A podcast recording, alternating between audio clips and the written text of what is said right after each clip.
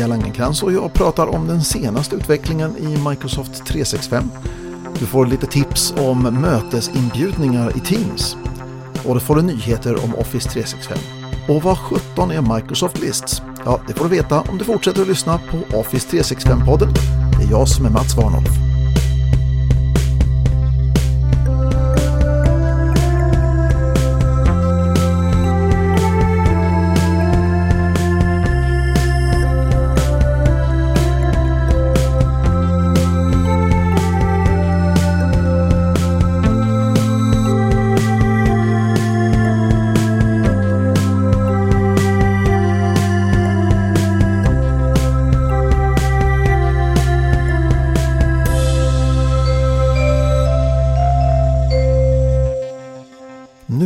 Dagarna så kommer ett nytt verktyg dyka upp i Office 365-paletten. Det verktyget heter Microsoft Lists.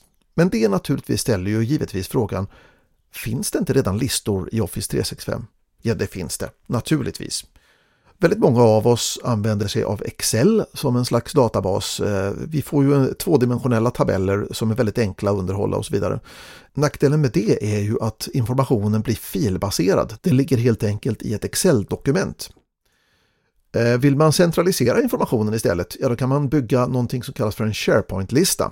Det är teknik som har funnits med från SharePoint från allra första början. Eh, den här är inte filbaserad, men i övrigt så påminner den väldigt mycket om Excel. Vi får de här tvådimensionella tabellerna som vi kan använda för att lagra information i. Och vi kan formatera och vi kan lägga till och med automatiska kalkyleringar i fält och så vidare då i en SharePoint-lista. Nu kommer dock ett speciellt verktyg, eh, egentligen en evolution av den här SharePoint-listan och den här heter då Microsoft Lists. Och den jobbar också då med eh, tvådimensionella tabeller. Det är en flexibel dynamisk tabell som vi kan skapa. Och fördelen med den här dynamiska tabellen och flexibla tabellen är att dels då så hanterar den upp till 30 miljoner rader i en enda lista, vilket ju får ses som ganska många. Och det andra är naturligtvis då att vi behöver inte veta exakt hur datat ser ut när vi börjar skapa den här listan. Vi kan alltså manipulera listan medan vi använder den utan att vi pajar alltihopa och det är ju ganska praktiskt. Vi kan alltså byta datatyper och sådana saker. Eh, det här verktyget verkar extremt lovande. Men jag har hört massor med kommentarer eh, som till exempel, vadå, har vi inte redan Planner? Har vi inte redan To-Do? Vilket ju också är en slags listor över att göra saker till exempel. Men de verktygen är ju bägge två byggda av Microsoft med ett specifikt syfte i åtanke. Och poängen med Microsoft Lists är att du bygger din egen lösning med ditt specifika användningsområde i åtanke. Så att du får liksom en speciallösning för just ditt problem. Den här har massor med fördelar då. Det finns eh, mallar för, eh, som vi kan använda oss av eh, så att vi kan starta igång på en gång. Det finns också ett snabbredigeringsläge som påminner lite grann för dig som har hållit på med, med SharePoint tidigare. Du känner säkert till Quick Edit. Det här är nästa generation av det här, det kallas för The Grid och eh, fördelen med det här är att man kan använda sitt tangentbord för att hantera det här helt och hållet. Man behöver alltså inte använda musen för att flytta mellan fälten och så vidare då och fixa och då. Man kan jobba väldigt, väldigt snabbt direkt med tangentbordet. Och vi kan skapa alla fälttyper. Det här blir väldigt, väldigt snabbjobbat. Vi har en kalendervy som är fantastisk, som är jätte, jättesnygg. Eh, vill jag utgå från en Excel-tabell så kan jag göra det. Jag kan alltså helt enkelt importera en tabell ifrån Excel och montera in den direkt och skapa en lista utifrån den. Men jag kan också naturligtvis utgå från en redan existerande lista etc. etc. Då kan man fråga sig naturligtvis vad händer med de här klassiska listorna då som redan har i SharePoint? Ja, de fortsätter att existera naturligtvis. Det finns ingen anledning till oro här. Microsoft säger att vi har inga planer på att ta bort dem. Det här är helt enkelt bara en evolution, det är ett nästa steg. Och Microsoft hoppas ju naturligtvis att vi ska byta till det här nya sättet att jobba med Microsofts lists istället. En annan fördel med det här är att vi har en slags rudimentär automation inbyggt i de här listorna. Vi kan helt enkelt skapa en slags if this then that regler och det här kallas just för rules. Och det här är väldigt, väldigt enkelt att skapa. Som till exempel om någon lägger till en item på listan så ska jag få ett mail som, som talar om det för mig. Eller vad det nu handlar om. Eller om någon klarmarkerar något eller vad man nu gör. Då kan vi få systemet att göra någonting bara därför att någon har interagerat med det. Eh, som sagt, oerhört snabbt, oerhört enkelt att skapa listor. Vi har centraliserat eh, det här, det är alltså inte filbaserat, vilket betyder att vi har en enda sanningskälla så att säga. Det finns en enda version av det här, det finns en lista. Eh, och istället för att vi håller på att skicka runt en, ett dokument eller ett Excel-ark eller något sånt där. Eh, vi kan ha egna vyer och vi kan skapa vyer. Vi kan använda oss av det som kallas för villkorsstyrd formatering. Och ja, det är oerhört häftigt i alla fall. Eh, så när kommer då det här? Ja, Microsoft säger att Microsoft Lists kommer att dyka upp i din Office 365-tenant nu i början på juni. Och i mitten mot och slutet av juni, ja då dyker det här också upp som en applikation i Teams. Och det här är inte liksom en, en inklistrad webbsida utan en riktig, riktig eh, listsklient så att säga kan vi få i Microsoft Teams. Det kommer också senare i år en mobil klient för Microsoft Lists och det gör ju saker och ting lite enklare när man vill hålla på och manipulera data på fältet. För då skulle man kunna till exempel använda det här som vad ska man säga, fältinspektionsverktyg, alltså fylla i ett formulär eller dokumentera någonting eller något sånt där. Så är du mer intresserad av det här eh, och vill veta mer så föreslår jag att du kollar upp Tech Community Eh, som är Microsofts eh, stora community runt Office 365. Techcommunity.microsoft.com går man dit och så kan man bara leta efter Microsoft Lists om man vill. Eller varför inte lyssna på det aktuella avsnittet just nu av The Intrazone som är Microsofts podcast om bland annat Office 365 och Azure. Jag ser i alla fall fram emot det här verktyget. Jag tycker att det ska bli jättehäftigt att testa. Men det här kommer ju alldeles strax i din Office 365 så håll ögonen öppna efter Microsoft Lists. Pia Langenkrans har liksom jag lång erfarenhet av Office 365 och därför känns det ganska kul för mig att sitta en stund och eh, diskutera de senaste förändringarna och nyheterna i Office 365. Och I vår senaste konversation så började vi att prata om Microsoft To Do för, för väldigt länge sedan, då fanns ju MySite i SharePoint och där man faktiskt hade alla uppgifter från alla uppgiftslistor i hela SharePoint-farmen mm. eh, som låg uppe. Jag tyckte ju om den där. Eh, den var lite skakig. Så försvann det och jag sörjde den. Eh, men sen så kom ju Planner eh, som då när du har uppgifter som också då samlas ihop ifrån alla planners i hela din tenant. Mm. Och, och sen så kom To Do som jag är jättekär i, eh, ska jag säga. Eh, för To Do samlar då ihop flaggade e-mail från Outlook och tasks ifrån Outlook eh, och planeraktiviteter. Allt de ligger i samma. Och det är en jättefiffig app på mobilen också. Och det som gör så att det blir extra coolt är ju att du kan, du kan lägga till flera konton i det här. Eh, det måste ju vara någon form av Microsoft-konto då, då, men om du har, om, om du som jag som har flera Office 365-konton så kan man lägga in det i appen. Så då ser jag det över flera konton. Eh, och jag kan lägga till min privata. Mm. Och, då, och, och, det som är så ballt eh, tycker jag det här på sistone med Microsoft att de har ju gjort den integrationen mellan Hotmail, Outlook.com, MSN-konton och dina Office 365-konton. Så du kan ju ha den här blandningen i OneNote, i OneDrive och nu i To-Do där man har, kan ha liksom en sömlös övergång mellan det privata och arbetslivet. Så jag har ju min To-Do som är så här, vad ska jag göra idag? Och sen så ligger det där också vad jag ska handla på vägen hem från jobbet. Mm. För jag har ju min shoppinglista som jag har delat ut med liksom min familj. Som att det här ska vi göra. Och så ligger det också så här, ja men du ska göra en agenda till team, eh, ja, till den här workshopen imorgon och det. Det ligger liksom på samma ställe. Men det lagras på ett sätt som är eh, som jag säger, håller lagligt och det där och att jag inte behöver dela med mig min julklappslista med mina kollegor och sådär. Nej, det är grymt. En annan eh. cool grej med, med To-Do är ju att om du går till din eh, Outlook on the web-kalender så kan mm. du lägga upp en eh, högerpanel med eh, To-Do. Och då kan du dra in dina uppgifter in i kalendern för att schemalägga dem. Jag måste ju säga att den där Outlook på webben har ju vuxit något enormt. Den är ju en, en riktigt, riktigt bra produkt. Eh, kommer du ihåg hur det var med Exchange 2003? Den mm. webbklienten. Jo. Alltså det är nästan så jag vill börja gråta bara, bara för att jag kommer ihåg den. Det gick att skicka mail. Sluta klaga ja. nu. Ja, men jag kanske behöver bli sur. Faktiskt. Jag kanske är fortfarande, har jag lite trauma att ta hand om i det här. Um, men det blir ju lite balsam på såren då med att Outlook on the web just nu är så grym. Eh, verkligen. Den är så pass grym att jag har stött på kunder som inte deployar ut eh, Desktop Outlook längre. Ah, se där. Nej, så det, det är faktiskt det är sjukt bra. Mm, eh, så de kör eh, helt och hållet så kör de eh, Outlook on the web bara. Det finns ju många fördelar med det. Alltså de som inte har så avancerad eh, mailhantering.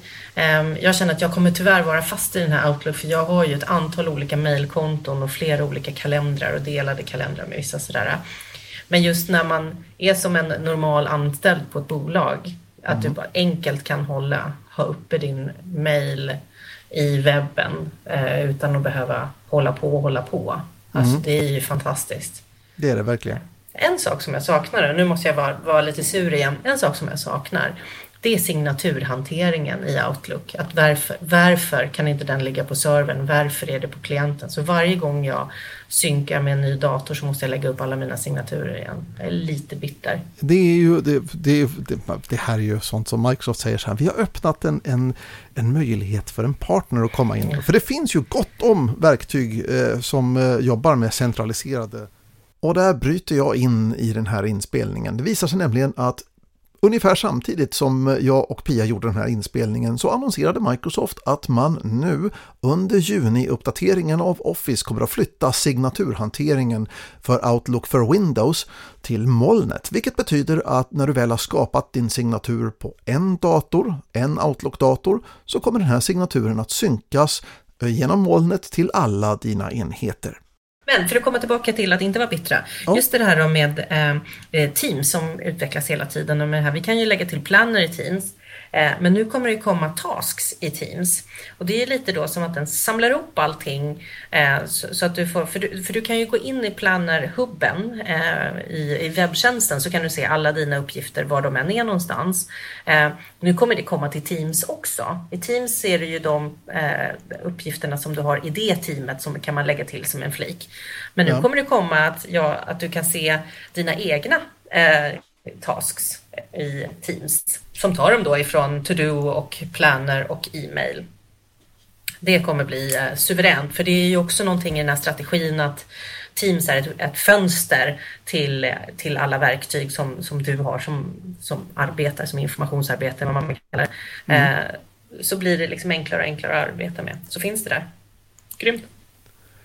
Jag är superimpad. Ska vi nu säga Office 365 eller ska vi säga Microsoft 365?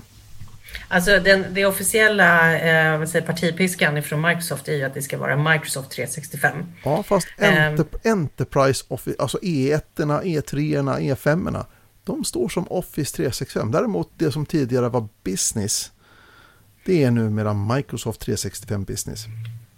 Ja, vi kan ju reda ut det här faktiskt eh, en gång för alla. Ja.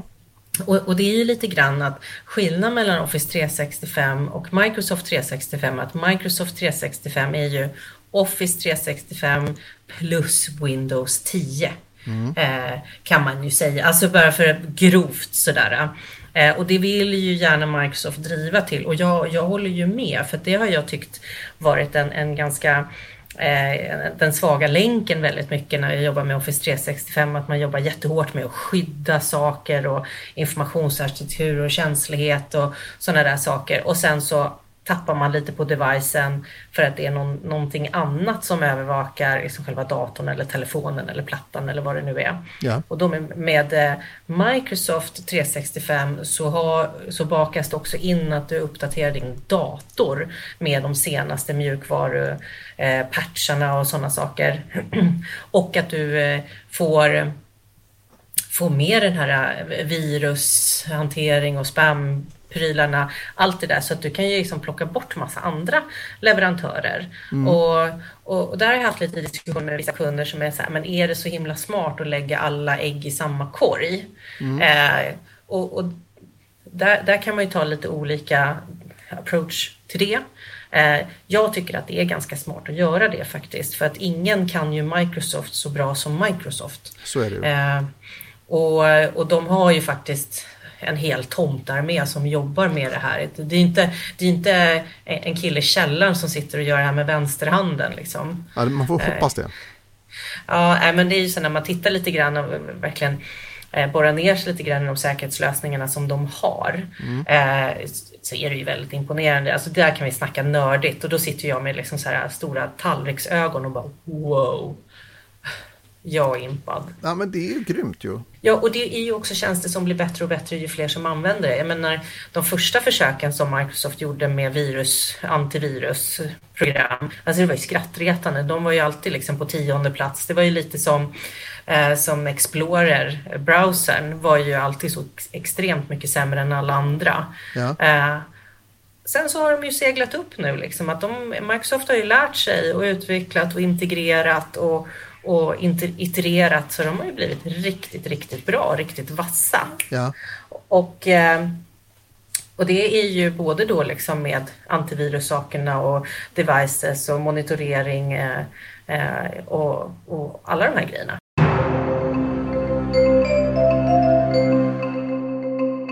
Nu i juni så får vi en ny inställning rörande lobbyn i Microsoft Teams-möten.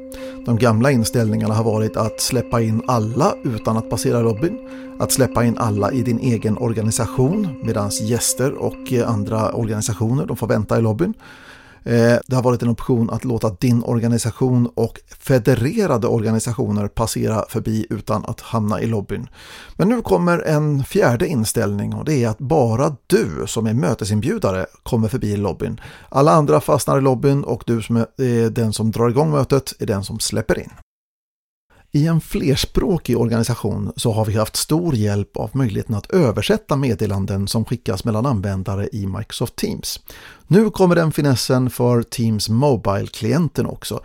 Nu i juni så får vi god hjälp med att direkt översätta chattar och kommunikationer i Microsoft Teams Mobile.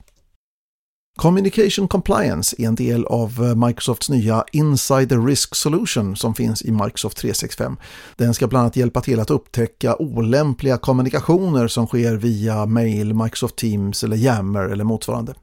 Nu får Communication Compliance en ny superkraft. Den kan nämligen upptäcka det som vi skulle kunna kalla för vuxenkommunikation, alltså bilder som eh, har mycket hudtoner i sig till exempel.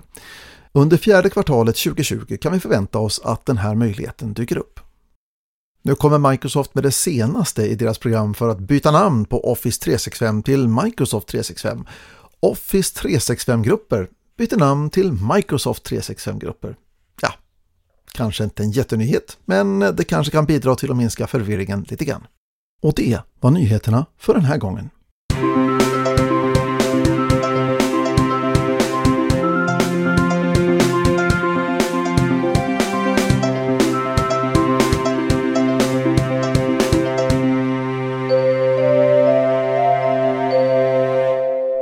I min roll som konsult så är jag ofta deltagare på många möten, ibland många möten per dag, men det blir alltid många möten i veckan.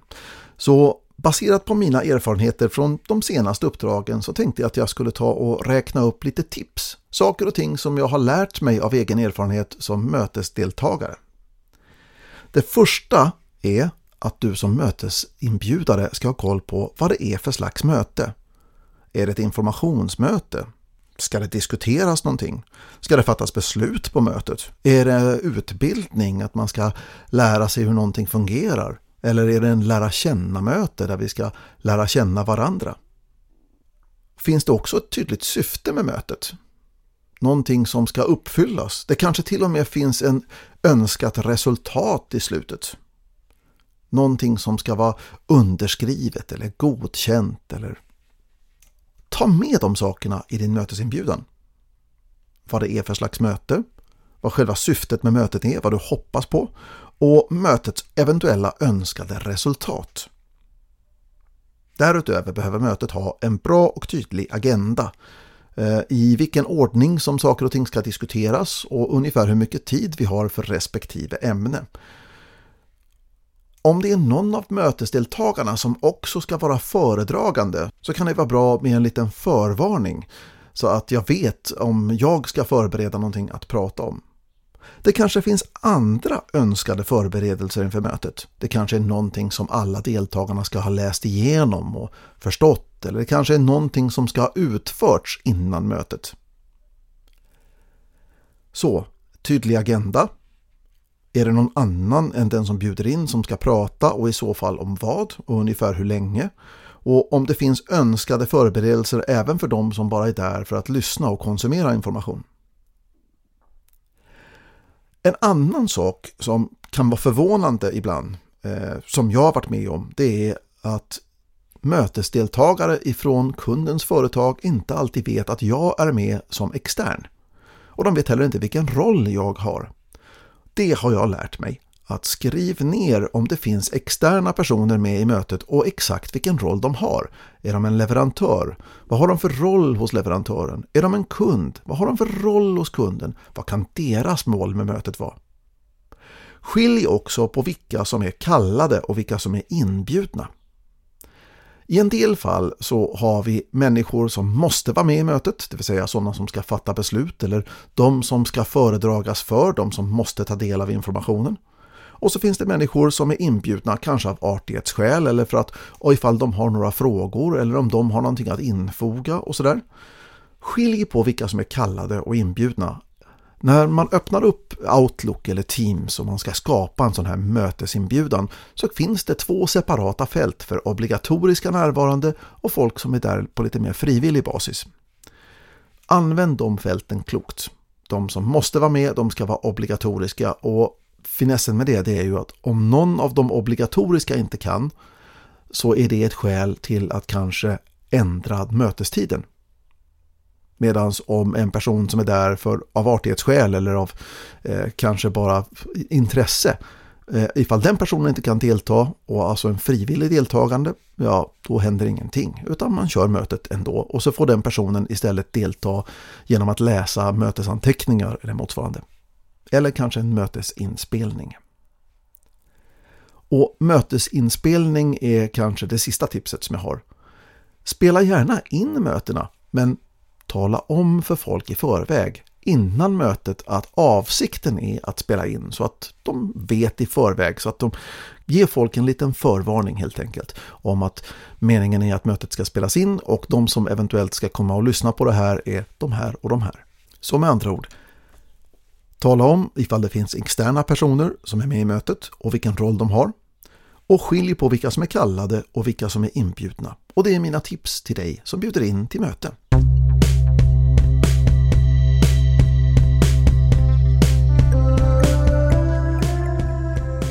Och det var allt vad vi hade att erbjuda i det här avsnittet av Office 365-podden. Om du har frågor, tankar eller feedback får du jättegärna skicka dem i mail till Office365-podden at varnolf.net. Tack till Pia Langenkrans för att du ville vara med och prata Office 365 med mig och till dig som har lyssnat säger jag tack så jättemycket. Vi hörs igen. Hej!